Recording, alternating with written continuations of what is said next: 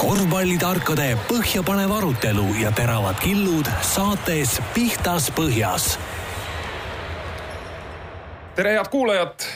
jälle oleme eetris saatega Pihtas Põhjas. korvpallitargad on laua äärde maha istunud ja hakkavad siis pärleid puistama. kindlasti mitte, mitte nagu sigade ette, nagu öeldakse, aga meie heade kuulajate ette, kes siis lennult need haaravad ja, ja saavad kaasa mõelda ja, ja omad järeldused teha. stuudios nagu ikka põhiliste vedajatena Gerd Kullamäe ja Ivar Jurtšenko ja täna külalisena, kas me ütleme siis aru andmas või selgitusi jagamas või, või teistpidi, meie üritame natukene tema tuju tõsta, et ei ole hullu midagi, see on ikkagi ainult korvpall, et elu läheb edasi BC Kalev Cramo peatree- äh,, vabandust, abitreener Indrek Reinpuu, kuidas ma libastusin niimoodi huvitav? No ilmselt lasid Kairise lahti juba siin. aga tere ka minu poolt.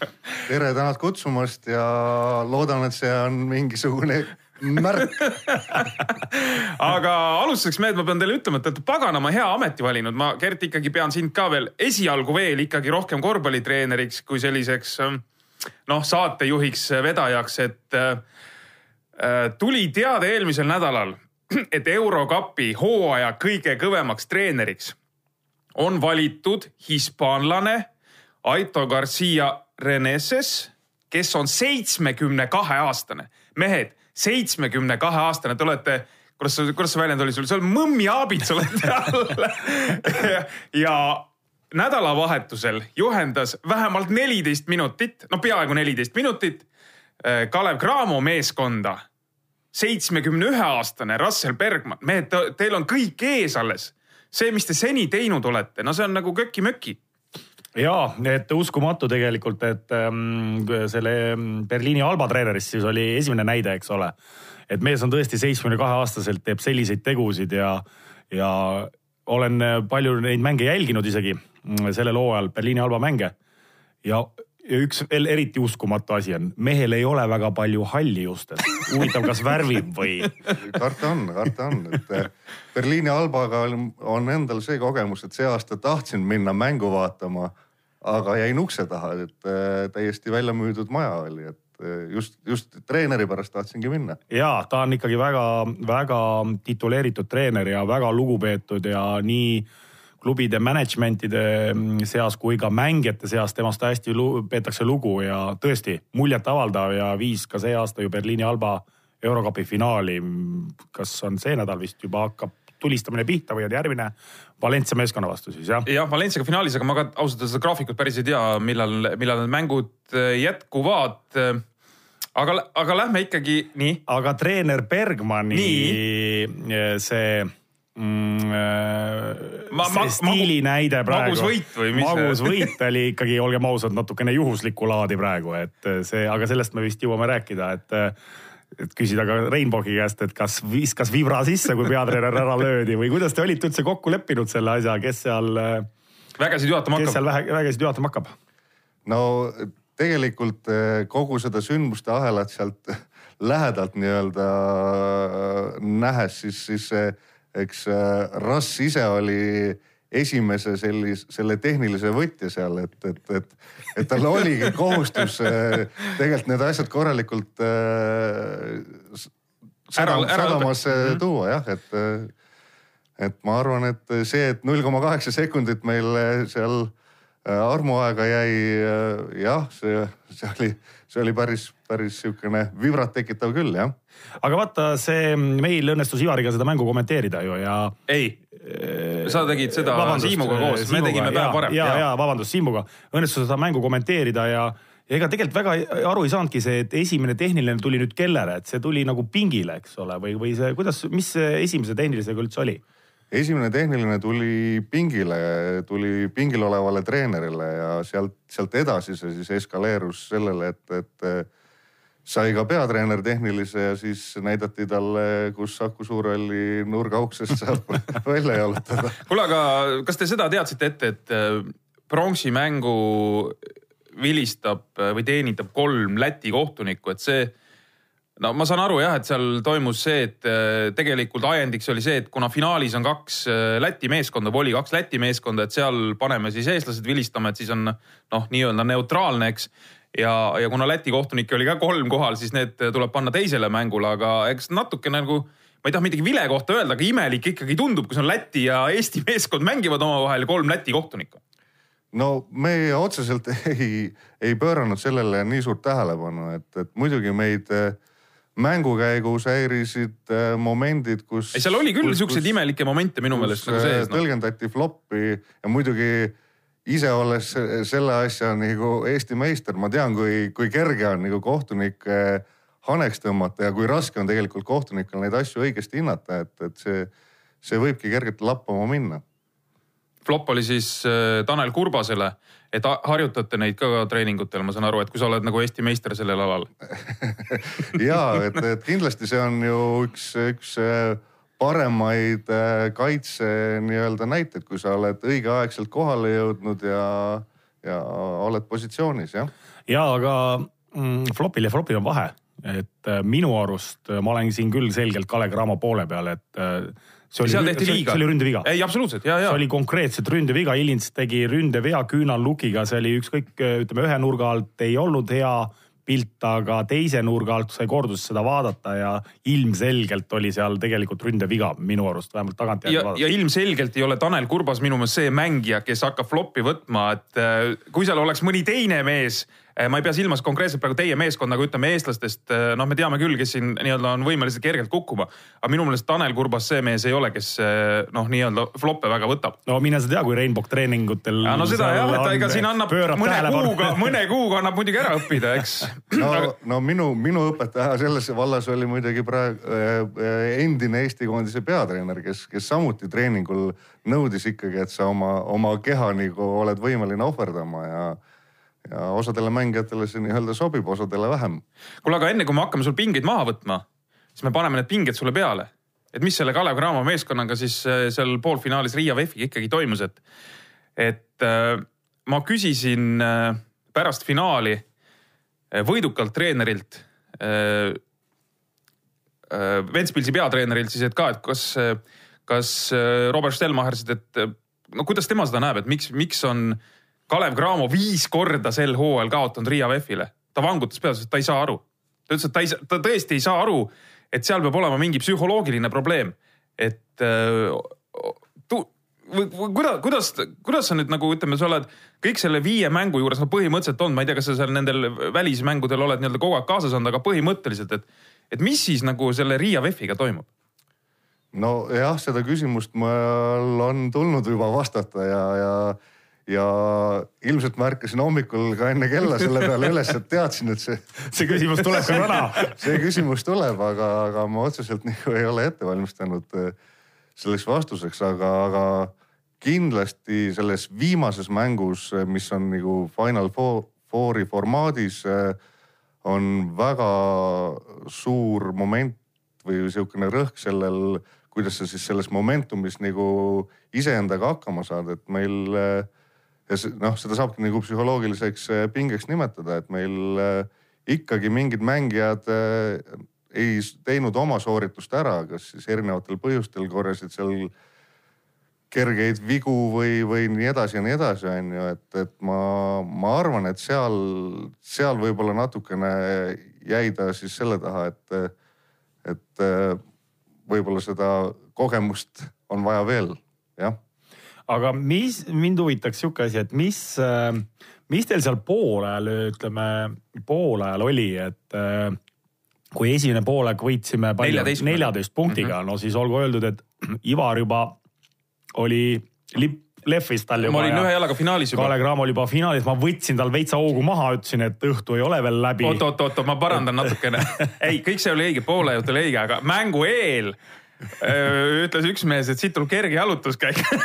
Ja, ja aga siis ma ja tundus, et tulebki ja esimest poolega, aga ma lihtsalt võtsin su bravuuri maha natukene. aga et mind huvitab just see, et mis see, mis see esimese poolele, et kuidas te treeneritena seal nagu, kas te tegite ka mingisuguseid muutusi või valmistasite ette mingi VEF-i muutuseks või, sest tegelikult ju oli, kõik oli hästi, pluss kolmteist, asjad sujusid, onju et või tuli pärast ilmnes mingi VEF-i taktikaline lüke, ütlen ausalt, me seal kommenteerisime ja ega sealt ei osanud küll sealt kõrvaltvaatajana välja lugeda, et nüüd VEF oleks midagi hirmsalt seal taktikaliselt teistmoodi teinud. või mis teile enda see sõnum oli, kui te tulite teisele poolele? treenerite poole pealt jah, et äh, kui me läksime sinna riietusruumi, siis, äh, siis kindlasti äh, sai mainitud nagu noh, seal on, seal on alati kaks varianti on ju, et kas sa lähed ja, ja kiidad, on ju, ja siis saad vastu näppe, sest vennad vajuvad siuksesse letargilisse mõnusasse siuksesse mm. -hmm. olekusse või tsooni on ju jah või, või siis sa lähed ja tühja koha pealt hakkad nagu raiuma, mis on nagu pahasti ja hoiad neid nagu pinges, et. ja siis on kolmas versioon nagu mõistlik versioon on ju, et sa, sa räägid, mis on hästi ja sa, sa hoiatad nagu mis, mis, mis võib tulema hakata, et mida, mida VEF võib nagu teha on ju ja ja, ja võistkond ise teadis ka ja me ütlesime ka, et, et kõik mängud, et viimane mäng Niisniga, nad olid väga suurelt taga ja nad nad ronisid äh, järgi ja nad on meie vastu seda korralikult teinud, et, et me peame selleks nagu valmis olema, et see.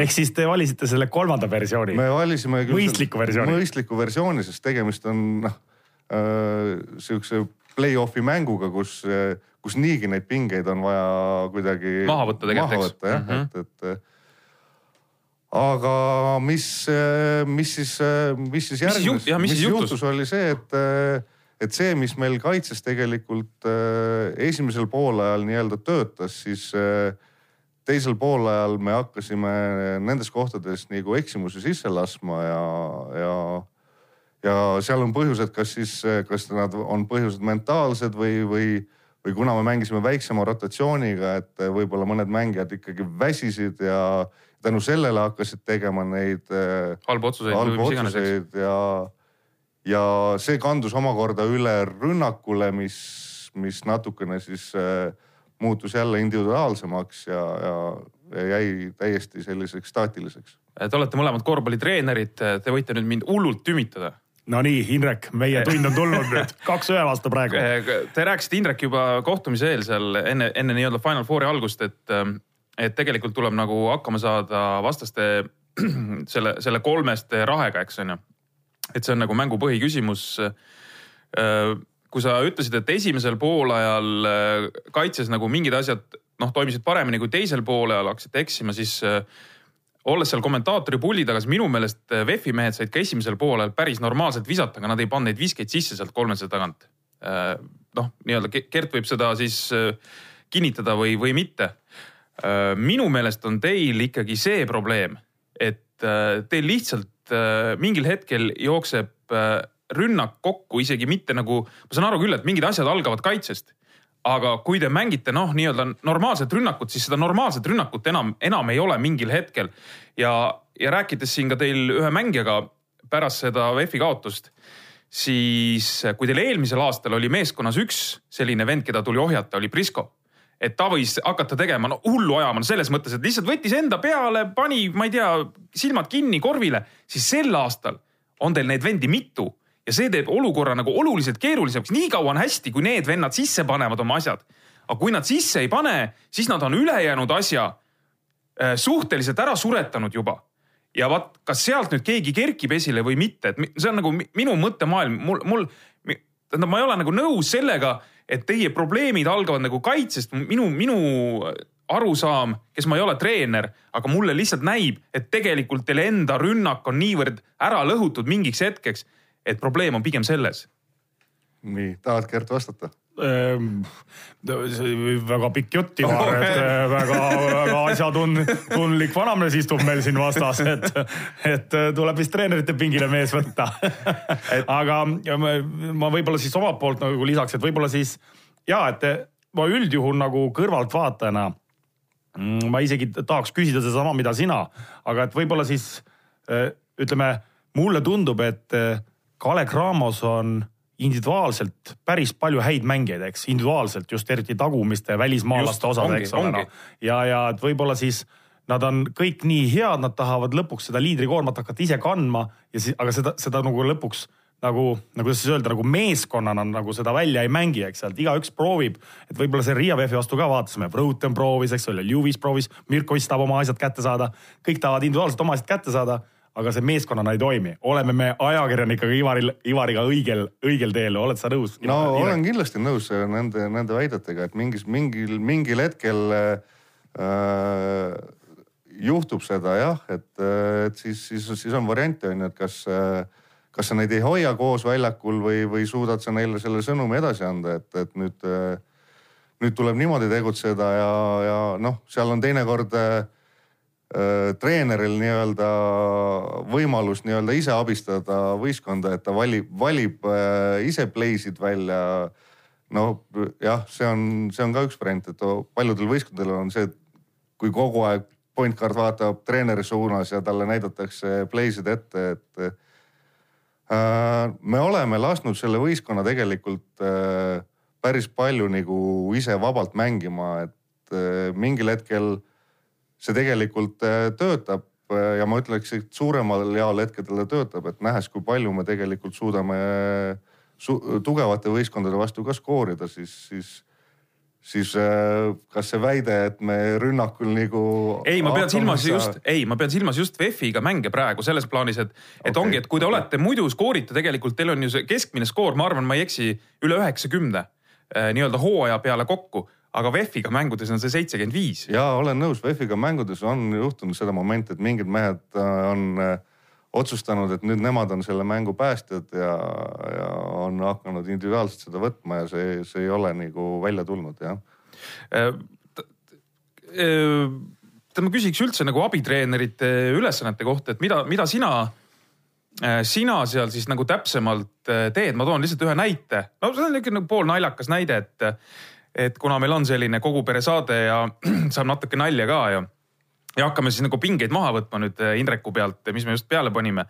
et äh, mm, ühel ammusel ajal oli Kalev Cramos üks peatreener, kelle peamiseks ülesandeks või kõige vastutusrikkamaks ülesandeks oli öelda peatreenerile, et ta paneks õigel ajal püksilukku kinni et äh, mäng, mängu teel. vaata, mida Ivar tähele paneb, vaata, mida Ivar tähele paneb. ei, ei seda ma ei ole tähele pannud, see on nagu, see on nagu jutt, et mängu teel on nagu meeskondade koosolekud ja head coach siis Eh, noh, nii-öelda läheb pärast seda veel, tühjendab ennast ära ja enamus juhtudel oli jätnud äh, härra Vesselin Madis oma püksiluku lahti. ja siis oli selline abitreener nagu Aivar Kuusma, kelle ülesanne oli öelda head coach'ile, et au, au, et see lukk käib ka muide kinni teil seal. Et äh, mis on, mis on sinu ülesanded äh,, Indrek? Väga huvitav teema, teemale lähenemine. Ja ma olen kuulnud ka, et osad, osad äh, abitreenerid peavad kohvi nii-öelda kuskil ette kandma, onju, aga aga meie töötame tegelikult äh, suhteliselt äh, sarnasel viisil, kui, kui siis võiks öelda, et eh, Euroopa tippvõistkonnad, et eh, aga meie staff on seal siis praegu kolme ja aeg-ajalt neljaliikmeline, et, et meil on antud erinevad, eh, erinevad asjad, mida jälgida ja, ja siis nendel momentidel, kus on võimalik, siis tuleb treenerile see info edasi anda, et jah, et seal tuleb jälgida nii-öelda kuidas, kuidas meie vastu korvid tekivad, mille pealt tekivad. tuleb jälgida, kuidas enda rünnakul läheb, mis meile edu toob. no treener vajab nagu enda, enda mõtetele veel mingisugust kinnitust, kinnitust mingit, ja mingit, mingit teist arvamust ja ja kindlasti tuleb jälgida seal mänguminuteid, kuna me mängime suhteliselt suure tempoga, siis äh, siis on oht alati, et sa võib-olla lased kellegi seal äh, punasesse, et me proovime seda jälgida. ja, ja on erinevad põnevad kategooriad, mida me siis terve hooaja tegelikult äh, nagu peame sellist statistikat äh,.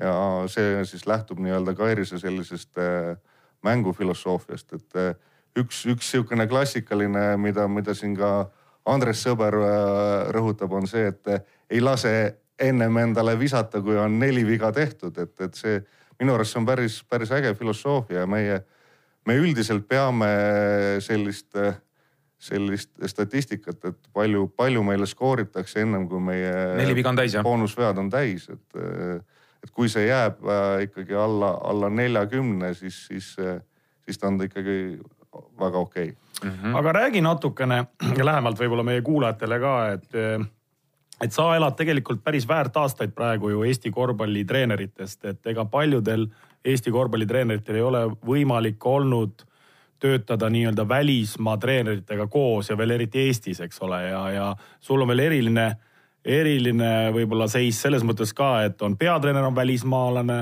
üks abitreeneritest on ka välismaalane ja eelmine aasta sa töötasid koos siis viimase poolaasta kahe Leedu treeneriga. et räägi natuke sellest tausta, et on mingeid huvitavaid juhtumisi ka, kui kaks Leedu treenerit näiteks ajavad leedu keeles oma asja ja siis sa mõtled, huvitav, millest nad räägivad või et, et kuidas üldse on sellega, et see on ju tegelikult väärt kogemus ja, ja, ja mis sa ise sellest nagu arvad või, või kui suur see erinevus üldse on siin Eesti treeneritega? noh, sa töötasid Varrakuga ka koos, eks ole, võib-olla räägi natuke niisugust tausta. No kindlasti on see totaalselt erinev, kui sa töötad eestlaste trioga, mis, mis nii-öelda noh, on ikkagi sihukene Äh, tunduvalt pingevabam moment, et sa tunned neid inimesi juba, juba eelnevalt põhimõtteliselt juba kuskilt, kuskilt ammustest aegadest on, on koos läbi mindud. ja nüüd minna täiesti võõraste inimestega tööd tegema. Jah, siis kui siis näiteks kui mul enda ema ütles, kui ma ütlesin, et näed, et mul tuleb kaks Leedu töökaaslast, siis ütles, et su elu totaalselt muutub, on ju, et, et ta on leedukatega koos töötanud et see, see, see on natukene teistmoodi jah, ja, ja Gerdi vihje sellele, et aeg-ajalt äh, ma pidin hakkama endale leedukeelseid nii-öelda termineid ja asju selgeks tegema. et, et äh, jah, juba, juba hooaja lõpus äh, Äh, sain aru, kui, kui kiruti, keda kiruti ja mida kiruti aga see aasta on sul vähe lihtsam, sest äh, Kairis Bergmaniga ilmselt peab rääkima inglise keeles ja selles, selles, selles sa saad aru, et nad ei saa mingit salakeelt, salakeelt äh, rääkida.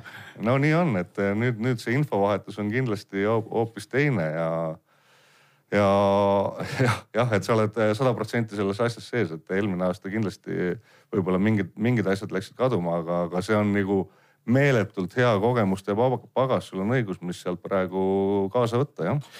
Karis tuli eelmisel hooajal poole pealt, nii nagu Gert juba siin ütles. ja kuuldes siis pärast muutust meeskonnas, ütleme nii-öelda inimestelt, kes meeskonnaga koos toimetavad, et, et see üleminek oli suhteliselt karm, et, et äkki sa sealt koha pealt tood mõne, mõne näite, ma sain aru, et kui siin varem Alar Varraku peatreeneriks olles, siis Alar oli noh, nagu inimene, lubas seal nendel abimeestel ka vahepeal istuda äh, treeningu käigus, siis äh, pärast seda hakkas kuulma, et kurat, jalad on jube väsinud, et, et enam ei tohi, treeningu ajal ei tohi tagumikku kusagile maha poetada, et kõik olid valvel nii-öelda kogu aeg. jah, see on tõsi, et no erinevaid juhtimisstiile on, et ma ei, ma nagu äh, ei tõmbaks seda joont, et üks on õige või üks on vale, aga aga kindlasti Kairisele meeldib hästi distsiplineeritud äh, nii-öelda äh, trenn ja, ja see, see kõik peaks kanduma nii-öelda edasi siis äh, mängupilti. ja, ja jah, et, äh, et põhimõtteliselt äh, ta on miks nii-öelda sellisest vanakooli sellisest Leedu värgist äh, pluss sinna on lisatud siis selline ameerikalik äh, olek ka, et et seda, seda tuli õppida alguses äh, nii-öelda kaasa tegema, et aga praegu on juba noh, ei saa arugi. oled nii-öelda harjunud? olen harjunud jah inimene harjub kõigega. mul on sellest hooajast kõrva kostnud veel üks jutt, üks huvitav jutt et äh, mis, mis siis nii-öelda haakub nüüd selle Kairissi, Kairissi. Ivar käib turul vabal ajal ja siis ta kuuleb, mida räägitakse ja nüüd tal on hea siin saates kohe küsida. Äh, Kairissi selle noh, nii-öelda siukse distsipliiniga või, või, või siis äh, juhtimisstiiliga, et, et teil oli Kalevi spordihallis tulemas üks mäng aga oli selline halb olukord, et kuna teil ju oma saali konkreetselt ei ole, et üks päev enne mängu oli seal mingisugune karate või poksivõistlus ja siis anti abitreenerile Indrek Reinbokile ülesandeks, et, et homme peab meil olema selles saalis, selles samas saalis treening ja kui seda treeningut ei tule, siis äh, me ei mängi. me ei mängi ja kogu lugu ja, ja et Indrek, kõigepealt ma küsin, kas selline lugu oli ja, ja teiseks, et kuidas see lugu nagu lõppes, et, et kas sa tõesti suutsid ära jätta mingid poksi või karate võistlused seal saalis? No selliseid, selliseid olukordasid ja ikkagi välistreeneritega vist on ka ennem olnud, et, et, et, et nad, nendel on omad nõudmised ja, ja, ja, ja nad teinekord ei, ei, ei saa, saa aru, miks need asjad siin äh, niimoodi käivad, et seda tausta lahti seletades nad ütlevad, see on täiesti uskumatu onju ja, ja naljaga pooleks tuli, tuli helistada ja öelda oma GM-ile, et kuule, ole hea, et äh, äkki viiks need poksijad siit hoopis Audentesesse, kus meie on pandud aga, aga ei, ei leppisime sellega, et äh, Audenteses on ka täitsa okei okay saal ja sai, saime oma jutud seal ära tehtud jah. Kuule, aga nüüd, kui on Ivar oma turuküsimustega kõik lõpetanud, siis ma loodan, läheks asja kallale veel, et ma puudutaks ikkagi natukene seda, seda, seda nüüd seda viimase nädala seda Final Fouri siin ja mis mind väga huvitab isiklikul, isiklikult on see, et pronksi mäng, eks et olgem ausad, Kalle Cramo läks äh, seda turniiri võitma, nii nagu Ventspils ja Riia Vefki, eks. noh, nii ja said selle nüüd poolfinaalis, said selle näfaka kätte, onju. nüüd on vaja selle teadmisega elasi, elada, et, et kui raske üldse oli ennast häälestada selleks pronksi mänguks ja ma ei küsi seda üldse selles mõttes, et nagu mängijatele, et mängija ma tean, et väga raske kindlasti oli, aga nüüd tulevadki mängu need treenerid, aga minu küsimus ongi, et kui raske teil endal treeneritena oli selleks mängu, mänguks häälestada ennast, mis omakorda on ju noh, mõjub sellele, kuidas sa häälestad Võiskuda, mehi jah, sinna on ju, et, et kuidas teil sellega oli, et noh, sõi kõvasti sees ja, ja mis seal järgmine päev teil siis toimus või kuidas, kuidas, kuidas siis noh nagu ütlevad legendaarsed, mis tunne oli siis minna mängule, seda pronksi mängu minna mängima aga, treeneritena? no aga abitreenerid lasevad ju vilet ja no kohe kohe kuuleme, kohe kuuleme, mis. ei, mul, minu jaoks äh, iseenesest äh, ma suvel äh, kogesin täpselt sedasama tunnet noortekoondisega, et me olles noortekoondise peatreener sellel hetkel ise ja, ja kogu protsess oli ikkagi rihitud niimoodi, et me mängime finaali ja me sinna finaali ei jõudnud ja siis äh, siis, siis ka siis ma kirjeldasin seda, et see on nagu kõigepealt tuleb ennast elustada ja, ja siis tuleb võistkonna ette minna nagu tegelikult juba normaalse näoga, et ei, see oli, see oli, see ei olnud kerge, et, et, et kõva töö on tehtud kõigi, kõigi poolt, mängijate poolt, klubi kõikide inimeste poolt üldse selle finaalturniiri jaoks.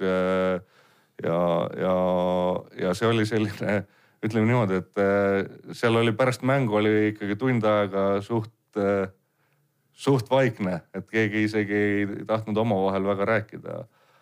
aga järgmisel päeval, kuidas, kuidas me välja tulime, noh, iseenesest äh, aitab alati see, et sa sportlasena püsid oma rutiinis, et tehakse kõik need asjad sama tõsiselt ära ettevalmistuse mõttes nagu teistes mängudes ja ja siis, äh, siis tuleb alati pidada üks, üks vägev äh, lahingukõne nii-öelda, et äh, selles osas mulle meeldis jälle see, mismoodi meil Russell Bergman neid kõnesid peab, et, et, et see oli jälle üks selline koht, mida, mida oleks võinud lindistada enda jaoks. aga, aga ütleme niimoodi, et ega no olgem ausad, noh, Craamal oli hullult õnne hullult oli õnne ikkagi, et see viimane vise sisse läks.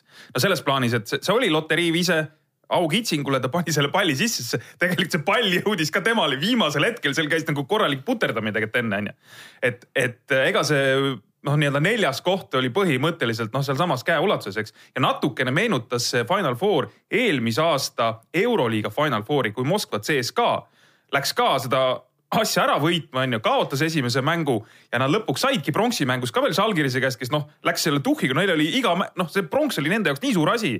aga CSKA-le noh, selles mõttes mitte midagi, eks põhimõtteliselt sama asi. ei, ongi täpselt, sest Ogre jaoks oleks ka mõtted oleks olnud, oi, me panime kolmandaks seal, et see oleks nagu väga kõva sõna nende jaoks olnud, eks, et see Final Four soosib seda, seda asja ja, ja, ja tõesti see pronksi mäng on ju tegelikult sihuke nagu lohutusmäng, et noh, olgem ausad, et sa lähed sinna poolfinaali mängima, kõik võistkonnad, kes Final Fouri saavad.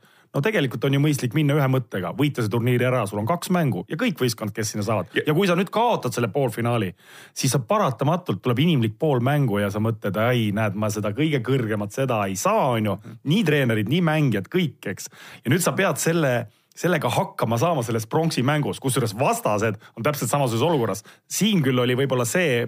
just, et Ogre oli võib-olla natukene. oli ikkagi natukene. kuigi nad olid ka finaali kohale väga lähedal. olid, olid küll ja, ja. Nad mängisid väga hästi selle turniiri ja, ja, ja see oligi niimoodi, et äh, see oli kaks erinevat äh, koosolekut oli, kuna Ogre oli meie kõrval, siis äh, siis noh, see, mis sealt äh, riietusruumist tuli, see oli ikkagi nagu. sihuke hurraa võitlusesse minek, eks. lahingusse minek mm -hmm. ja, ja, ja see, mis meie riietusruumis oli, see oli ikkagi hoopis teistmoodi tegevus. Pihtas põhjas Kossu saate küsimusmängu auhinna paneb välja Sportland nii, aga meil on täpselt pool tundi saatest kulunud. me oleme enam-vähem selle küsimusmängu teinudki nüüd siin saate poole peal ära ja teeme vast seekord ka. eelmise saate küsimus oli siis selline, meil oli külas Tiit Sokk. Et küsisime tuhande üheksasaja kaheksakümne kaheksanda aasta kohta ehk see oli siis juba kolmkümmend üks aastat tagasi, jah, kolmkümmend üks aastat tagasi. et äh, palju mängis Tiit Sokk minuteid olümpia poolfinaalis ja finaalis kokku. see on uskumatu number, seitsekümmend üks minutit no sisuliselt oli kogu aeg väljakul, käis korra nina nuuskamas ja tuli tagasi. Ja õigeid vastuseid meeldivalt palju, viiskümmend viis õiget vastust tuli meile selle küsimuse peale, nii et äh, ikkagi käidi ja otsiti see number välja konkreetselt ja isegi täpsustati natukene, et ühes olümpiaraamatus, siis Souli olümpiaraamatus on kirjutatud äh, et äh, Tiit Sokk mängis poolfinaalis kolmkümmend seitse minutit, noh, tead, ajakirjanikud natukene ikka liialdavad, eks no, panid, minut, panid minuti otsa jälle sinna, aga võtsime ametliku statistika, ametlik statistika on seitsekümmend üks. Aga vaata, kui huvitav, et kui sa ütlesid, et kolmkümmend üks aastat tagasi, siis äh, on hea meel tõdeda, et, et ilmselt kuulavad meid ka vanemad, vanemad kuulajad, mitte ainult noored ei muidugi. kuigi meid peaksid kõik kuulama. ei, on kogu pere, noh, see, et siin et siin esmaspäeval kannatamatult oodatakse, aga Indrek, sina oled siis täna Fortuna rollis ja paluks äh, number ühest kuni viiekümne viieni ja siis me saame teada, kes, kes on tänase küsimusmängu võitja uh,. ütlen kolmkümmend kaks. Nii, Annika Rüütli no nii, palju õnne, kas see on esimene? ei, minu meelest ükskord on äh, läinud veel varem naisterahvale. ahaa, no aga igal juhul õrnemale soole palju, palju, palju õnne. väga hea Fortuna, Indrek. ja, ja, ja mida nad võidavad? võidavad äh, Sportlandilt äh, viiskümmend eurot krediiti, saavad minna poodi ja selle ära kulutada mõistlikult, osta midagi ilusat endale. nii ja Indreku kohta ka küsimus on juhtunud selline kurioosne lugu et Indrek on ühel korral peatreeneri kohusetäitjana olnud äh, Kalev Cramo eesotsas äh, ühel mängul. küsimegi, millal see mäng toimus ja kelle vastu äh, see mäng oli. et kes oli siis teisel pool treeneri pingil, küsime niimoodi jah, ja oli siis Rein Pokk oli terve mäng, mitte nagu Bergman. mitte et, mingi neliteist minutit. ja, ja, jah, et mees tuli tegelikult konkreetselt tuli ja tegi pihtas põhjas Kossu saate küsimusmängu auhinna paneb välja Sportland tahad taustast ka natuke rääkida, Indrek, või selles mõttes, et, et ära sellest mängust midagi lähemalt räägi, aga ma saan aru, see sinu jaoks ikkagi oli üsna ootamatu, et see mäng nii-öelda üldse tuli. Nojah, et äh, see mäng iseenesest äh, Äh, tuli niimoodi minuni, et sellel hetkel ma veel töötasin koolis õpetajana ja, ja parasjagu käis õues kerge jalka ja, ja tuli mänedžerilt kõne, et täna õhtul lähed pulti ja oli aega, mõned tunnid mänguni tuli, tuli hakata võistkonna playbook'i üle vaatama, et, et mitte, mitte päris häbisse jääda. nojah, aga see on see, kui on nõrga tervisega peatreener meeskonnal. jah, et see on täiesti lubamatu ja, ja. nii, aga, aga sellega on küsimusmäng äh, tehtud, ootame vastuseid pihtas pohjasätt delfi punkt ee aadressile ja, ja saatke sinna ikka küsimusi ka meile ja, ja, ja kiitke ka siis, et et oi, meil kiitusi tuleb nii palju sinna, et küll me need ükskord ka ette loeme. aga kuule, kui me ikkagi oleme veel korra selle Final Fouri juures, siis no kuidagi teeb nukraks natuke see olukord, mida me nägime seal pronksi mängus selles plaanis, et vastas on võistkond, kes on no üdini Läti, üdini Läti ja need Läti vennad, kes seal väljakul on, ei ole nii-öelda, kuidas ma ütlen siis, esimese kategooria lätlased selles plaanis, et seal ei ole Läti koondise vendi, aga nad mängivad nagu hingestatult, tuhhi pealt, kvaliteeti on ka järelikult piisavalt palju. ja meie, meie nagu siis pudistame või, või mitte pudista, aga nagu, nagu võitleme vastu siis mingi kuue välismaalasega või no okei okay,, võib-olla kõik välismaalased ei käinud seal platsi peal, aga ikkagi, et, et nagu see pilt võiks, kui meil oleks teistpidi. et äh, selline Eesti sats on ja lätlased mingi hullult võidurelvastunud, mingid äh, ma ei tea, mustad poisid jooksevad seal ja siis me saaks nagu vastu rinda taguda, et vah, vaat me oleme kõvad mehed, aga, aga kuidagi on vastupidi. no see on spordi nii-öelda äh, võlu ja valu, et sind, sind hinnatakse nii-öelda sinu viimase tulemuse järgi, et, et see on, see on kõik par, parasjagu meeles, et ja see on hästi-hästi nii-öelda lühiajaline siis, et, et kui üldist plaani vaadata, siis, siis, siis mingil hetkel natuke aega tagasi me mängisime Saku Suurhallis täismaja ees väga vägevalt CSKA vastu, et, et noh, et kuidas siis, kuidas siis äh, panna, panna ennast sellesse konteksti nii-öelda, et kas, kas on siis asjad alati nagu nii kehvad, kui nad parasjagu viimases, viimaste mängude pealt välja paistavad või? ei, ei kindlasti, ei kindlasti selles mõttes, et nad ei ole nii kehvad, aga lihtsalt nagu ütleme no tahaks näha natukene nagu teistsugust pilti selles plaanis just, et, et äh, Kalev Cramos võiks ka nagu vedavas rollis rohkem olla, võib-olla eestlased. selles mõttes ma nagu vihjan, et, et vaata, võtame ka VEF-i ja, ja võtame Ventspilsi. Äh, neil on ka välismaalasi ja, ja see on nagu paratamatu, kui sa tahad eurosarjas mängida, WTB-s mängida, mis iganes. aga kui me teeme selle protokolli lahti ja vaatame, et kes seal nagu asju teevad, ikkagi päris palju on ka neid Läti nimesid seal kes seda asja nagu veavad, et, et meil pigem kipub olema see, et äh, tulevad sealt kuskilt äh, ookeani tagant või, või nii edasi, et, et veavad need mehed. ja see on, see on nagu üldine küsimus, kuidas, äh, kuidas peaks Eesti esivõistkonda nii-öelda komplekteerima ja, ja, ja ma olen nõus, et meie riigisuguse esivõistkonna puhul peaks alati meie võistkonnas olema kõik kõige paremad eestlased äh, olemas, et. Äh, no päris kõik ei saa, kui me tahame, et mõned mehed mängiks seal kuskil lombi taga või mis iganes. ja, ja, ja. aga, aga, aga praeguse seisuga meil, no öelge teie, kas meil on kõige paremad eestlased või ei ole oled Gert nii kaua siin tasa olnud? ma olen kuulanud, no targad inimesed omavahel räägivad, et ma arvan, et Eesti mängijad, kes on sattunud Kalev Cramosse, sattunud, vale sõna, eks, kes on võetud, võetud Kalev Cramosse, siis nende tugevus on eelkõige rollimängijad olla, et noh, neid ma arvan, see nii ongi, et nende, nende tugevus on rollimängija olla, nüüd sa paratamatult, kui sa komplekteerid meeskonda, siis sa pead komplekteerima nii, et siis need, kes nii-öelda mängu teevad, need on välismaalased, noh. Mm ma arvan, see on, see on, see on loogika, eks. Noh, et ega kui sa teed ainult meeskonna, ainult rollimängijatest, nüüd on omaette küsimus on see, et miks meil Eesti korvpallis on palju rollimängijaid, vot see on, aga see on juba laiem teema, Ivar.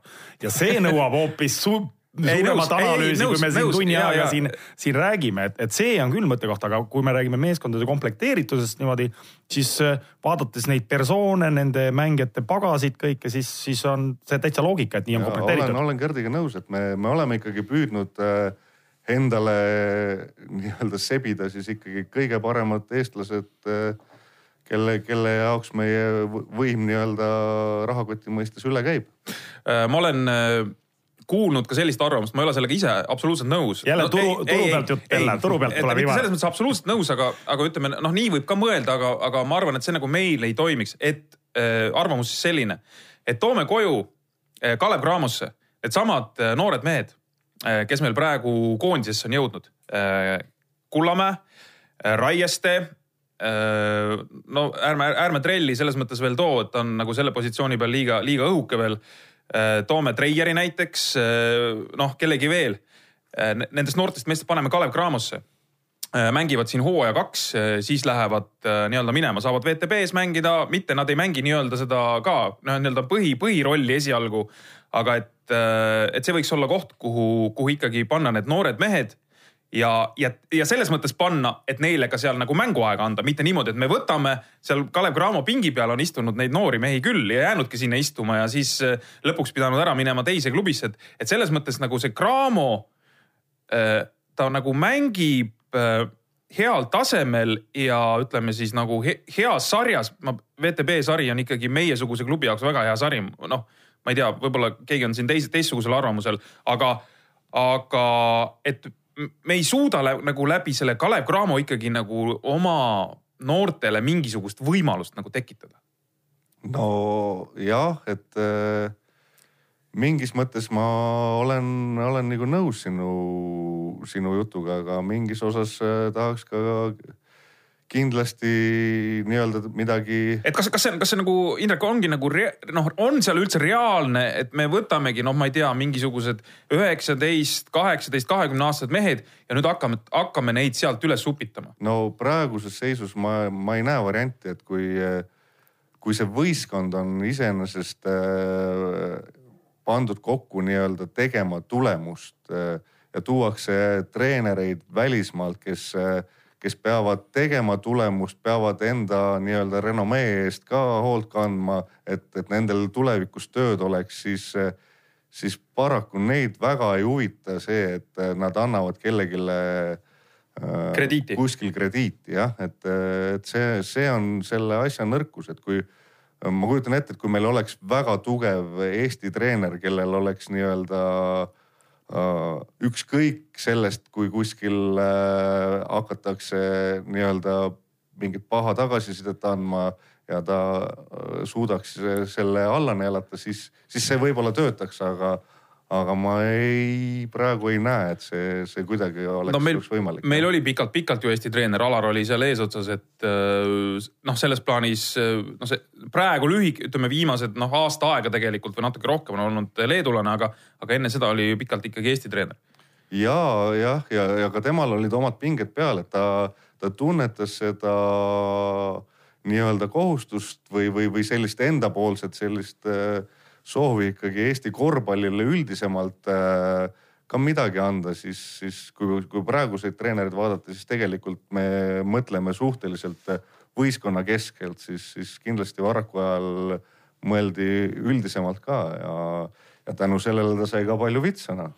selles asjas peavad äh, asjad kokku jooksma, asjad peavad kokku jooksma nagu kohe otse ja sirgelt ja rämedalt. klubi omanikud peavad aru saama nad peavad andma krediiti sellele Eesti treenerile. et äh, kõik peavad ühtemoodi aru saama, et see tulemus võib-olla ei ole, et äh, nüüd nii tähtis see üks või kaks võitu peab nägema suurelt Eesti korvpalli, see on ainus variant, kuidas siis oleks mingi lootus, et saad sa sinna perspektiivikaid noori. treener peab tunnetama seda, et tal on usaldus management'i poolt, et ma push in seal paari noort mängijat seda saab teha Eesti treener, välistreener seda ei hakka mitte kunagi tegema, sest temal on huvi, tähtis tulemus, teda ei huvita, ta tahab järgmist. ei no just, just. seal peab olema, seal peavad paljud asjad kokku saama, aga esmakordselt es,, esmajärjekorras peab seal klubi management mõistma siis, et mida nad tahavad. ainult sellisel juhul ma näen varianti sinu nagu küsimusele, et miks ei võiks nii olla. võiks küll nii olla teoorias, aga praktikas, noh, nii on raske. praegu raske teostada, sest äh, kogu see korvpall ikkagi baseerub praegu erakapitali peal ja, ja selle jaoks, et eh, noori võistkonda tuua, selle jaoks, et üldse mingit noortesüsteemi veel lisaks üleval pidada, see on praktiliselt eh, sama suur eelarve sinna juurde tekitada ja, ja paratamatult eh, meil on need asjad piiratud. siin on jälle see, et see erakapital annavad raha, eks, ja selge see, et tahavad tulemust, aga nüüd ongi küsimus, et, et huvitav, kas, kas võiks olla selliseid toetajaid ka korvpallil näiteks, et kes äh, saavad, noh, on pigem rõõmsad selle üle, et saavad hiljem vastu rindu taguda, et näed me tõime oma klubisse kaks Eesti venda, need mängivad nüüd lõpuks äh, kuskil seal. noh, sul peab olema kannatus selles mõttes, et see ei tule kohe, aga et äh, nii-öelda pikas jooksus jällegi, et võiks selline pikk vaade olla, et, et kas nüüd Kalev Cramo jõuab kümne aasta jooksul ükskord VTB liiga play-off'i kas see teeb rõõmu või teeb rõõmu see, et meil, oh, meil olid äh, kaks sellist venda seal äh, mingil hooajal klubis ja nüüd nad mängivad, ma ei tea, euroliigas või noh, ühesõnaga kuskil oluliselt kõrgemal tasemel. et, et mis siis lõpuks nagu rõõmu teeb? see on ideaalne maailmapilt, mida sa siin ette maalid, et äh, äh, nagu ma ütlesin ennem ka, et äh, me elame tegelikult momendis ja meie, meie tegemisi mäletatakse suhteliselt viimaste Mängude järgi, mängude järgi, et, et sedasi, sedasi need asjad on paraku üles ehitatud. Äh, muide, nad ju, sa tead, Gert, et Kalev Cramo pani ju korraliku käru ka maha sel, sel aastal ju Alar Varrakule ju. et äh, nad lasid äh, võitude arvult, no sellesama, jälle sellesama Riia VEF-i peatreeneri Jaanis Kailiitise lasid ju Varrakust mööda VTB üldises selles treenerite tabelis. Kailiitisel on rohkem võite kui Varrakul. et siis kus kohas, VTB-s? VTB-s jah no., et Alar on kolmekümne ühe võidu peal ja Kailiitisel on nüüd kolmkümmend viis, noh ja ütleme sealt kaks tuli ju kohe Cramo, Cramo arvelt. no see tähendab seda, et Varrakul on aeg sealt kontorist äh, hakata oma väiksed notebook'id kokku panna ja, ja vile kaela ja saali tagasi, et, et muud moodi seda ei paranda. tal muide on vile kaelas olnud juba, noortemängul oli vile kaelas. jah, see oli teises ametis. nii, Gert, on sul midagi äh, siit kohe alu-, jätku, jätku ma pakkuda? arvan, et enne kui me siit võib-olla na- natukene räägime sellest VTB liigast, siis tegelikult kui emotsioon äh, välja jätta, siis äh, Eesti-Läti liiga äh, läks loogiliselt.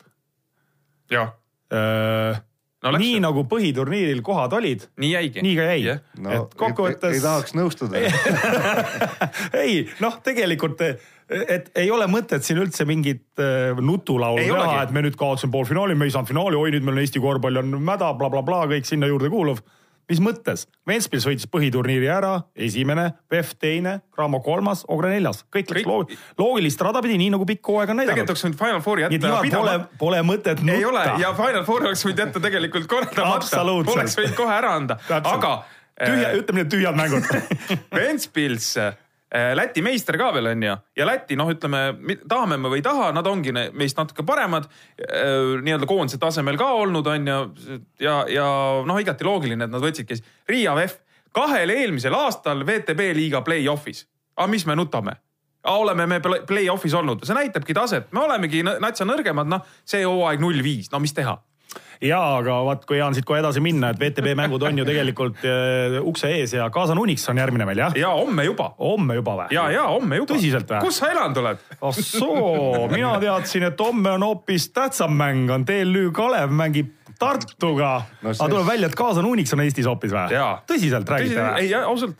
sul Vot on, nüüd ma küll- valikukoht, kuhu. kuule, lõika nüüd see koht välja saatest, et muidu ma teen ennast siin lolliks, aga, aga, aga tore, et mis me siis nüüd VTB-s, mis meil oodata on, Indrek, et äh, selle emotsiooni pealt minna, vahet pole, ega need mängud on unustatud, kokkuvõttes on ju vaja ikkagi või eesmärk on play-off'i saada, paar võitu on vaja kätte saada, eks no no, on. paarist võidust piisab kindlasti vist. No, mis sisetunne on? no ei mul oli enne seda Final Fourigi sisetunne selline õhukene, et, et, et ja, ja seekord ei petnud, et ma ei, ei tahaks oma sisetunnet siin ka veel siis praegu välja öelda, aga, aga kas paarist võidust piisab?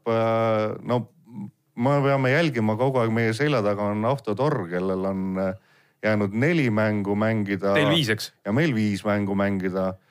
ja, ja, ja seal, kui siis nii-öelda vaadata, et kes on tugevam ja kes on nõrgem ja keda võiks võita, siis, siis teoreetiliselt eh, noh, meil on nagu või võimalik võita seal äh, kaks mängu nagu kindlasti on täiesti endasuguste vastastega ja oleks äh, hamsata siis mõnda tugevamat ka aga, aga olge rahulikud, kui see kak-, kui Kalev Cramo saab kaks võitu kätte, siis ma arvan, sellest jälle piisab.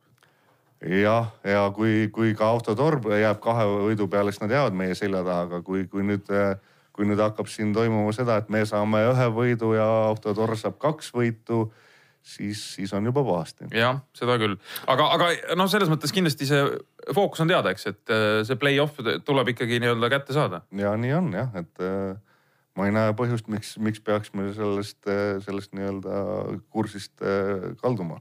aga hommikul sirvides meediat jällegi hommikul, siis te, teades, et siin tuleb kindlasti sellest VTB-st juttu, siis äh, VTB seis on ju päris intrigeeriv, et kes lõpetab põhiturniiri esimesena. vaatasin tabeliseisu nii CSKA-l kui Unixil on mõlemal neli võit, neli kaotust. Imkil on viis kaotust. ja omavahelised mängud Unix CSKA kasuks on, on Unixi kasu, ja, ja. et siit küsimus ja see ei ole irooniaga, keda eelistate, kas CSKA-d või Unixit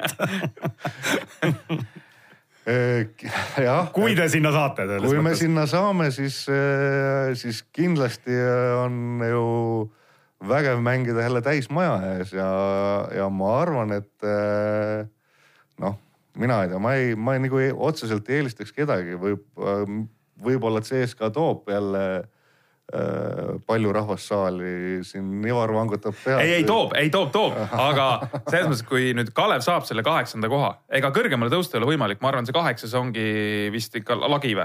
Või on seal on midagi ikkagi teoreetiline võimalus. aga see on pigem teoreetiline vist no, või? aga seni, kuni see võimalus on, on on, on, on. aga no Unix, no siin ei ole küsimustki, Unix peab vastu tulema, kui, kui me saame play-off'i, seda Unixi me kägistame ära seerias.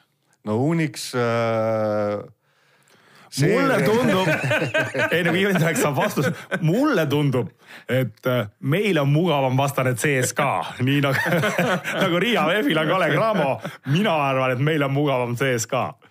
No just enne siia saatesse tulekut ma lõpetasin äh, paaritunnise nii-öelda analüüsi Unixi kohta, et, et minna just siit otse edasi ja, ja mängijatele seda ette näitama, et et tegemist on ikka väga vägeva atleetliku võistkonnaga, kes mängib äh, isegi äh, minu arust äh, paremat kaitset, kui, kui mängib CSKA, et, et et äh, ei, siin ei ole eelistada midagi, et ja, ja, ja nagu, nagu sa mainisid, et äh, nad on praegu kursil, et või, äh, olla põhiturniiri esimesed ja ja teades, et Venemaa VTB liigast jagatakse välja üks euroliiga koht, siis, siis Unix tuleb siia ikkagi meid maa alla lööma nii-öelda noh ja, ja meie, meie ülesanne on siis ikkagi mitte seda lasta teha. ellu jääda. Äh, tahad sa midagi VTB liiga kohta veel küsida, ma tahaks ausalt öelda minna Kalev Cramo äh, meeskonna juurde ja, ja uurida natuke personaalselt mängijate kohta ka, et aga. aga sa tõid selle teooria mängu, et noh, et mis meil teoorias on äh, võimalik, et kas on seitsmendaks, Indrek ütles, teoorias on võimalik. ma tahaksin natukene ühe, ühe teemaga seda seostada, et et eelmine nädal oli suurt korvpalli täis igas mõttes, sai vaadata suuri teise liiga mänge ja oli teist liigat me peame puudutama igal juhul siin saates. muidu see on jama saade, kui me teistest ligast ei räägi. ja, tuleb veel ju final, suur Final Four turniir. ja oota, oota, aga äh, Žalgiris äh,, Kaunas Žalgiris mängis Euroliigas ja ja miks ma sellest hakkan praegu rääkima just selles kontekstis, enne kui sa lähed uuesti Kalev Cramo juurde tagasi, on see, et äh, meie püsiv saatekuulaja kindlasti mäletab, et mina käisin ka ühel mängul siin hiljuti, see oli siis äh, Müncheni Bayern Žalgiris mängisid Kaunas Arenal ja mul tuli meelde seoses selle Žalgirise mängu ja selle eelmise nädala selle ütleme siis sinna play-off'i saamisega selline moment, kus ma läksin sinna saali, istusin maha. ja minu kõrval oli üks tuline Leedu fänn tuline Leedu fänn, kes on aastaid seal istunud ühe sama koha peal. no kogu mängu vältel ma tundsin, et vot see ongi tõsine fänn, eks selles mm -hmm. mõttes. ja läksin sinna, ta seal hakkasime rääkima enne mängu ja siis kutt ütles mulle, ma täpset sõnastust nagu ei mäleta, aga ta ütles mulle umbes niimoodi, et ну вот жалко, что мы в этом году в плей-офф не попадаем. Ну команда у нас хороший, ну жалко, что в этом году так ütles tõsine fänn, eks ole, viis vooru minna. ma tõlgin korra ära lihtsalt, et, et fänn ütles, et, et kahju, et sel aastal ei, ei, ei saa play-off'i play Euroliigas. ja täpselt, täpselt ja sellel hetkel ma arvan, seda paljud tundsid sellest viieteist, viisteist tuhat inimest, kes seal saalis olid, kaasa arvatud mina, ma ütlesin, noogutasin kaasa jah, see aasta küll, aga no ei saa jah, aga ikkagi olete tublid. ja mõtle Nad võitsid kõik lõpus ära. kuus mängu järjest. uskusid lõpuni, neil oli siga palju õnne, et need teised mängud ka veel läksid nii. Nagu Nad said välismängudes kätte Maccabi, Olümpiakose, Reali. Neil joppas veel isegi nii palju, et Olümpiakosega välismängus Spanjuli Strelniaks ei mängi. siis läksid Realile mängule Realil väga palju mänge ei lugenud, seal Rudi Fernandes ja kes vennad puhkasid. jälle joppas nii-öelda ja lõpuks. aga lõpuks sa pead ikkagi ise ka mängima. sa pead lõpuks olema mm -hmm. ise mees, aga näed, et see, seesama teooria -hmm. et noh, et mis teo teoreetiliselt, kui on võimalik, siis tasub veel lõpuni uskuda ja see on Žalgirise näide on nagu ere näide, nad võtsid veel Maccabi ka väljas ära, et kuuest mängust kolm sellist välismängu näfaka. ei võimas, võimas. ja nüüd ma ütlen täitsa ausalt, et nüüd nad lähevad sinna kokku selle Veherbadžega kaks esimest mängu on seal Türgis, kui nad sealt ühe kätte saavad siis on juba päris hästi jah. see võib veel lõppeda, mehed, ma ei tea millega, nii et tasub uskuda alati lõpuni ja tasub uskuda ka seda, et Kalle Cramo järsku mitte ainult play-off'i ei saa, vaid näiteks ka seitsmendana. ja, ja, ja ma tahan siia lihtsalt lisada seda, et ja tegelikult ma arvan, Fenerbahce ei ole üldse õnnelik et neil Žalgiris vastu tuli, siis nad teavad, et sellel meeskonnal ei ole mitte midagi kaotada. Nad ja. saavad tulla täiesti puhta lehe pealt ja jälle on see seis, et, et noh, nüüd lihtsalt paneme ja vaatame, mis tuleb, mingit põdemist ei ole vaja teha, mitte midagi. et nad kindlasti ei ole õnnelikud, et Žalgiris neile vastu tuli. jah, aga see näide näitab ka seda, et vaata, et ei ole huvitav, et sihuke tuline Žalgiride fänn, tal ka juba hakkas nagu usk kaduma, et noh, et ega no siit ikka raske siit saada play-off'i, aga, aga. no ja aga see näed. moment, äh, kui sa käisid, siis ilmselt ikkagi Žalgiris vaevles seal vigastuste käes ja neil Neil äh, oli juba palju noori seal kaasatud ja, ja. no see oli, see oli see mäng, kus Kavaljauskas ja Jankunas ei mänginud, aga olgu öeldud, et Jankunas isegi nüüd praegu veel on ikkagi veel vigane, neil on sealt ka veel väike varu. Jankunas on juba pluss psühholoogiliselt sellel meeskonnal, ma arvan, väga suur tugi nii et äh, vot selle loo ma tahtsin tänases loo, tänases saates igal juhul ära rääkida, mul tuli meelde. sellise õpetliku loo, meil on ikka igas saates mõni õpetlik lugu. on, on, mida õppida ja, aga ma ütlen veelkord, et ega see ei ole ainult nii, et seal paljud asjad läksid nagu läksid nagu ka nagu, nagu vedas. vaata, öeldakse rikaste inimeste kohta öeldakse, et äh, seal, kus on palju raha, sinna tuleb kogu aeg juurde. mulle tundub, et Žalgirise praegu fenomenina on ka see, et Jašikevitš on seal eesotsas, see möll käib seal ja head asjad kokku nagu juhtuvad kogu aeg. üks hea asi tuleb teise järgi, eks ole, et, et kuidagi, kuidagi nii läheb nagu ja tundub. nii on, et nad on, nad teevad head tööd ja, ja nad äh, see paistab nagu silma ja nad usuvad sellesse ja siis, siis sünnib ka häid asju, et äh, et nad paist-, paistsid isegi siis äh, nii-öelda tugevad välja, kui nad olid äh, ka nõrgendatud, et, et et noh, saab näha, kuidas, äh, kui tugevad siis äh, lõpuks äh, meie, meie võistkond on, et et see on, see on kindlasti niisugune hea sportlik eeskuju, mida, mida jälgida, jah nüüd palun siis. sõna ka... Ivar sulle nüüd. ei, ma isegi jah, et, et Kalev Cramo omanikud ja, ja management, palun siis kõrvad kinni panna, et nüüd läheme väga isiklikuks selle meeskonna koha pealt. Indrek, palju siis meeskonnas mängijate poolel jonnipunne on, et mõned on silma jäänud. Javon Lewis näiteks tundub olevat väga kapriistne mängumees, et jäi siin nädalavahetusel jällegi silma, et kui teda seal hakatakse töötlema, siis tal, siis tal kohe nagu närv viskab üle. samal ajal ise vastaseid töödeldes ei tee teist nägugi, et, et äh, kas ta on kogu aeg selline kapriisne poiss või, või lööb see kuidagi ainult mängudes välja?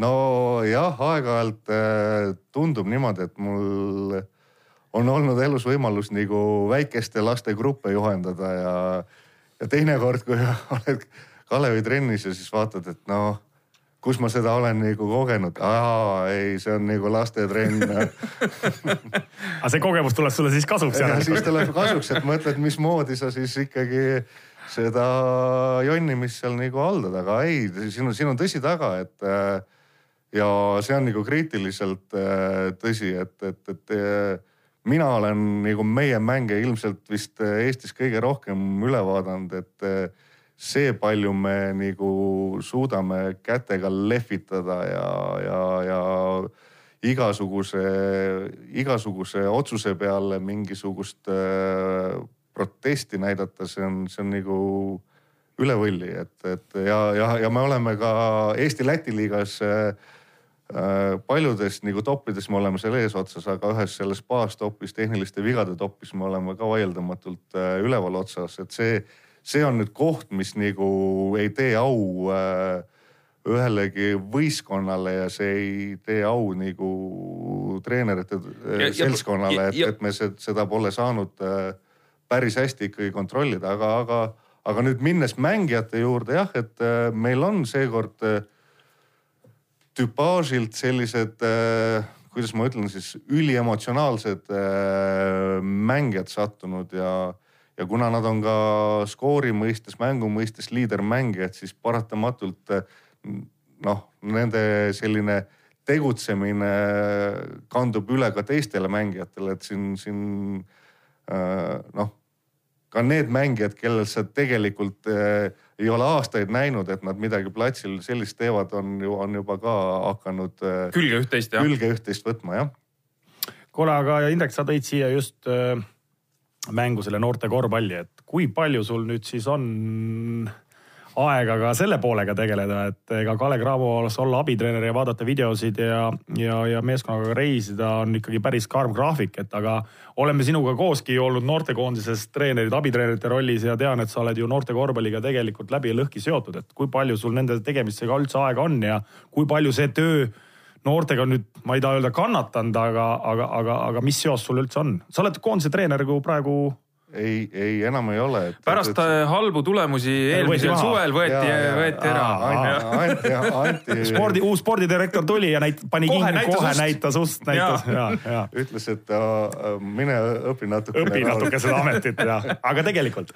ei, tegelikult äh, tõsi jah, et see koormus Kalevi juures on nii, nii suureks läinud, et, et ma ei näinud enam nagu võimalust äh, noortekoondiste juures aktiivselt osaleda ja, ja ainus, ainus, mis ma praegu saan teha, et ma olen oma enda korvpallikooli juures abis nii palju kui, kui võimalik ja, ja, ja tahaks muidugi rohkem, et, et, et oma poistega rohkem koos olla, aga, aga ei, jah, tahaks rohkem, aga, aga see on, see on tõesti praegu nii-öelda enda unetundide arvelt ja nii edasi ja nii edasi, kui sinna jõuab üldse, siis, siis on, siis on väga hästi. Äh, nüüd saad natuke aupaistet ka endale juurde nagu tuua või et äh, ütle siis nagu siin noorte korvpalli juurde jõudsime, et, et mõned äh, poisid ka, kes on sinu käe alt noh, nii-öelda välja lennanud, et ei ilma, ilma naljata selles mõttes, ilma mingi irooniata jällegi, et, et tegelikult võiks ju teada neid nii-öelda esimesi treenereid ka, kes, kes nii-öelda poistele siin vähekene nii-öelda tuult tiibadesse annavad, et et eh, Karl-Listel, Kristjan Karpin on kindlasti noh, mängija, kellest on räägitud noorteklassides ja ta praegu mängib Kaud-Entese võistkonnas eh, Eesti esiliigas. esiliigas ja, jah, jah. et, et tema on selline nagu huvitav kuju olnud, kes on olnud ikkagi päris pikalt sinu käe all, eks no tema tuli jah, minu käe alla nii-öelda C-klassis äh, Arko Pakose juures. ütled C-klass nüüd äh, vanus ka siis on kaksteist või, mis ta on? pigem ütleks U neliteist okay, siis jah, jah mm, -hmm. et äh, ja sellest, sellest ajast saati jah, sai, sai nagu eraldi tegeletud, aidatud ta Hispaaniasse jah, ja, ja ja ta sai seal kaks aastat olla äh, väga tugeva klubi juures. mis, äh, mis kindlasti on noh, seal olid oma, omad, omad võlud, omad valud, aga ma arvan, see oli, see oli mängijale kõva kogemus, et äh, äh jah, et nii oma, läbi oma klubi kui läbi, läbi koondiste, siis jah, on poisid kindlasti jõudnud kuhugile väljapoole, siin, siin nagu ei saa endale seda aupaistet võtta, et siin, no, siin, on, siin on palju treenereid, kes, kes on aidanud et.... aga sul meistriliigas on ju ka praegu ütleme neid õpilasi, kes, kes on mingil hetkel sinu käe all on olnud? jah, enda võistkonnaski on Madis Soodla, kes tegelikult alustas täiesti väikse poisina minu juures, et äh,. TTÜ hetkel... meeskonnas on vist osad mehed, eks? ja, ja enamus poisse, kes siis on äh, TTÜ meistriliiga meeskonna juures või TTÜ esiliiga võistkonnas, et jah, et äh, ülejäänud poisid on seal praegu jah. kuule, minu väide on olnud alati see, et äh, olla meestetreener ja olla noortetreener on kaks erinevat ametit. ma arvan, et ei ole paremat, paremat vastajat kui sina ilmselt, kes sa oled praegu mõlemalt poolt tegev nii meestetreeneriga, kas sa oled minuga nõus või ei ole?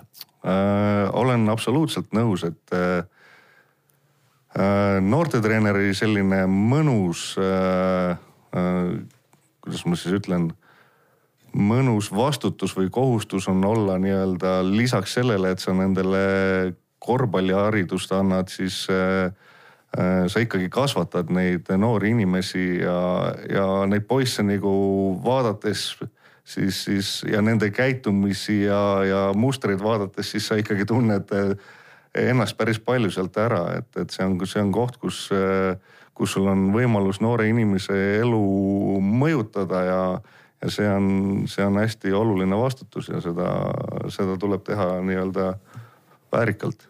Samas me jõudsime ju selline siin saate käigus tõdemuseni, et et needsamad hetked nende noortega kuluvad äh, ka vahest seal suures korvpallis ära, et äh, kui lasteaed mingil hetkel peaks trennis lahti minema. no ja, et ma olen kuulnud, et teil on saates olnud äh, diskussioon, et kas, kas meestetreener peab tulema noorte töö pealt või, või võib ta sinna nagu Otse minna. otse minna et, et ei, seal on erinevaid teid, kuidas meeste juures töötada, aga, aga kindlasti noorte, noorte juures töötamine annab sulle nii-öelda teise dimensiooni juurde näha asju, jah.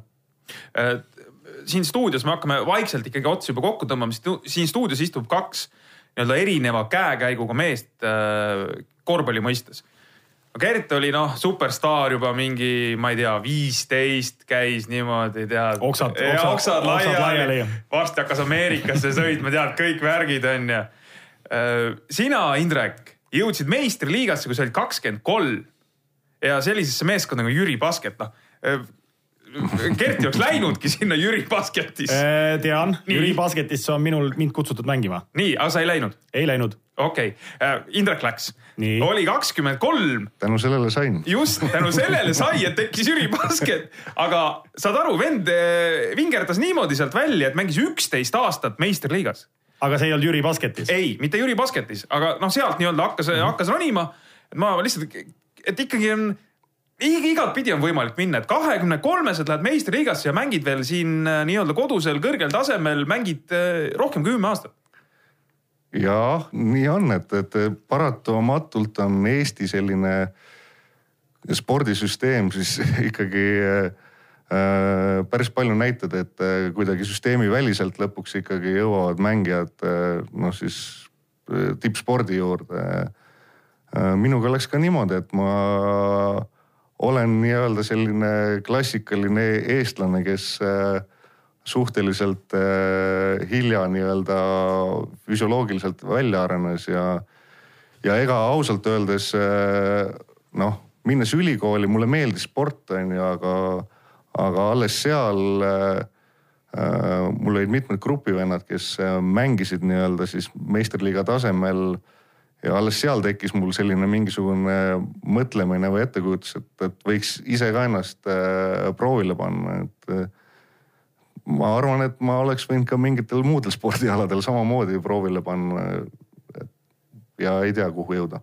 Nii et äh, siit lihtsalt ma tahtsin selle näite tuua sellepärast, et, et noored, ärge visake püssi põõsasse liiga ruttu, et äh, tegelikult kellel meeldib sporti teha ja, ja see võimalus noh, ütleme äh, sinna kahekümne kolmanda eluaastani ka kuidagi selle spordi juures olla, sest ega, ega ju noh, ütleme nii, et äh, neid ahvatlusi majanduslikus mõttes äh, on kindlasti nagu igasuguseid enne seda, et kui sa ei ole kuskil nii-öelda pildi peal olnud, siis vingerdada sinna kahekümne kolmanda eluaastani on ikka paganama keeruline, et, et äh, noh, ma nüüd tahan olla spordimees, aga, aga elu tahab ka elamist. No ja, aga eks neid näiteid on palju ja ma usun üldse nagu maailmaspordis ja, ja Eesti spordis ka, et kokkuvõttes ikkagi see loeb päris palju iseendast ka, et kuidas sa ise leiad motivatsiooni ja mis on su iseenda eesmärgid, palju sul eneseusku on ja kõik. ja natukene ikkagi ma tahaks öelda seda, et peab olema õnne ka, et siis mingil hetkel sind kuhugi kutsutakse just selles vanuses. vedas, et tuli Jüri Basket. no täpselt, täpselt, et siin peab, paljud asjad peavad ikkagi kokku minema, tihtilugu sellistel story del nagu või mitte, mitte tihtilugu, vaid noh, võib ka nii olla, et, et, et ei vea. Ei, just, ja, absoluutselt. ja, et Jaa. no tegelikult mm -hmm. jah, see Jüri Basket võib-olla oli selline esimene vedamise moment, aga, aga järgmisel aastal mul tegelikult äh, nüübit. sattusin Nüübitisse Tiit Soku käe alla, et ma arvan, et see oli tegelikult üks kõige suuremaid mõjutajaid, need aastad, mis äh, Tiit siis nii-öelda mind õpetas korvpalli mängima, jah Nonii, aga selle saate jutud äh, tundub, et meil on räägitud, tuleb jälle hirmus korvpallinädal, tuleb selles mõttes hirmus nagu heas Oi. mõttes, kus tuleb hullult korvpalli ja siis. head korvpalli. ja nüüd tuleb see õige Final Four. jaa, absoluutselt, no Ivar, sa loed mu mõtteid, noh. et olge kohal Jõhvis. Jõhvis. Jõhvis reede-laupäeval, ma arvan, et seal saab sihukest värki, tulevärki näha, et äh, kaasan uuniks on mõmmi ja abid sellega.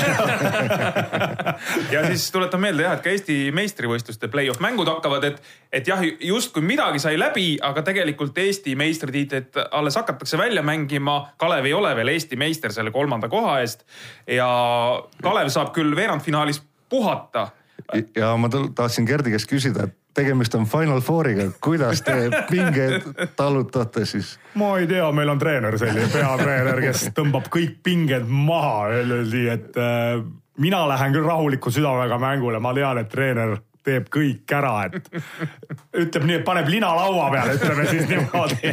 mina ainult hakkan noppima sealt. aga, aga tõsi ta ju tegelikult on, et see on praegu on kätte jõudmas ikka kõige see kevade kõige just. magusam aeg kõigile treeneritele, mängijatele, publikule, ajakirjanikele, meile. et tõesti palju huvitavaid mänge kõik on tähtsad mängud, erinevad liigad, erinevad tased, noh, kui me siin Eestis räägime, et tuleb Eesti meistriliiga, esiliigas käivad mängud, teises liigas on kõva intriig, värgid. euroliigas, eurokapid, WTB-s, no mida, mida iganes, igale maitsele, mõistad Ivar? mõistan, mõistan ja ma lisan siia veel tegelikult ka noorte sarjades samamoodi hakkavad play-off mängud siin mõned, mõned ja. vanemad ei saa varsti enam magada, et kas ikkagi äh, lapsed jõuavad sinna kõige tähtsamatele mängudele või ei jõua, et, et kuskil tuleb, tuleb komistamine. tuleb koolist koju jätta üldse, et peavad valmistuma mängudeks ja, ja, ja et äh, siin äh, ja muideks ongi järg, sellel nädala lõpus on ka minikorvpallis on Rakveres no, on Final Eight. Nii et ma ütlen, et korvpalligurmaanidel hakkab praegu kuldaeg et saad seda teha teleka ees või minna saali ja vaadata, nii et kasutage seda võimalust ja omadele, omadele abiks ja, ja mängijad ja treenerid ja kõik vajavad seda, et kodumängude tuge jõudu Kalev Cramo meeskonnale, jõudu sulle, Indrek, selle raske koorma vedamisel. kõige tähtsamad mängud eh, ikkagi on alles ees, kuigi see Final Four siin Eesti-Läti liigas läks eh, aia taha, olgem ausad, eks. et eh, eesmärgid olid suuremad aga, aga neid vigu on veel võimalik parandada ja kui te nüüd teete hästi WTB-s ja teete Eesti meistriliigas hästi, siis äh, unustatakse see Final Four ära. ise unustate ka ära. kuule, Ivar jõle pikk. tegelikult on niimoodi. nii, räägi. et meelde jääb hooaja viimane mäng. hooaja viimane mäng tuleb võita, siis tuleb ilus suvi. kui sa hooaja viimase mängu kaotad, siis äh, jube kehva tunne ja usu mind, Ivar sa, ma tean, millest ma räägin tänud kutsumast, jah. ja kui siin Gert ütles, et hästi palju korvpalli, vaadake, nautige, siis tegelikult ütleme niimoodi, et ilmad on läinud nii ilusaks, okei okay,, täna on juba natsa selline, ei ole nii ilus, aga tehke ise ka sporti, liigutage ja siis on enesetunne ka parem. ja, ja korvpalligurmaanid saavad juba hakata tänaval korvpalli mängima, mis on ka väga teretulnud. just, tänud kuulamast ja oleme tagasi nädala pärast. Jõhvis näeme korvpallitarkade põhjapanev arutelu ja teravad killud saates Pihtas Põhjas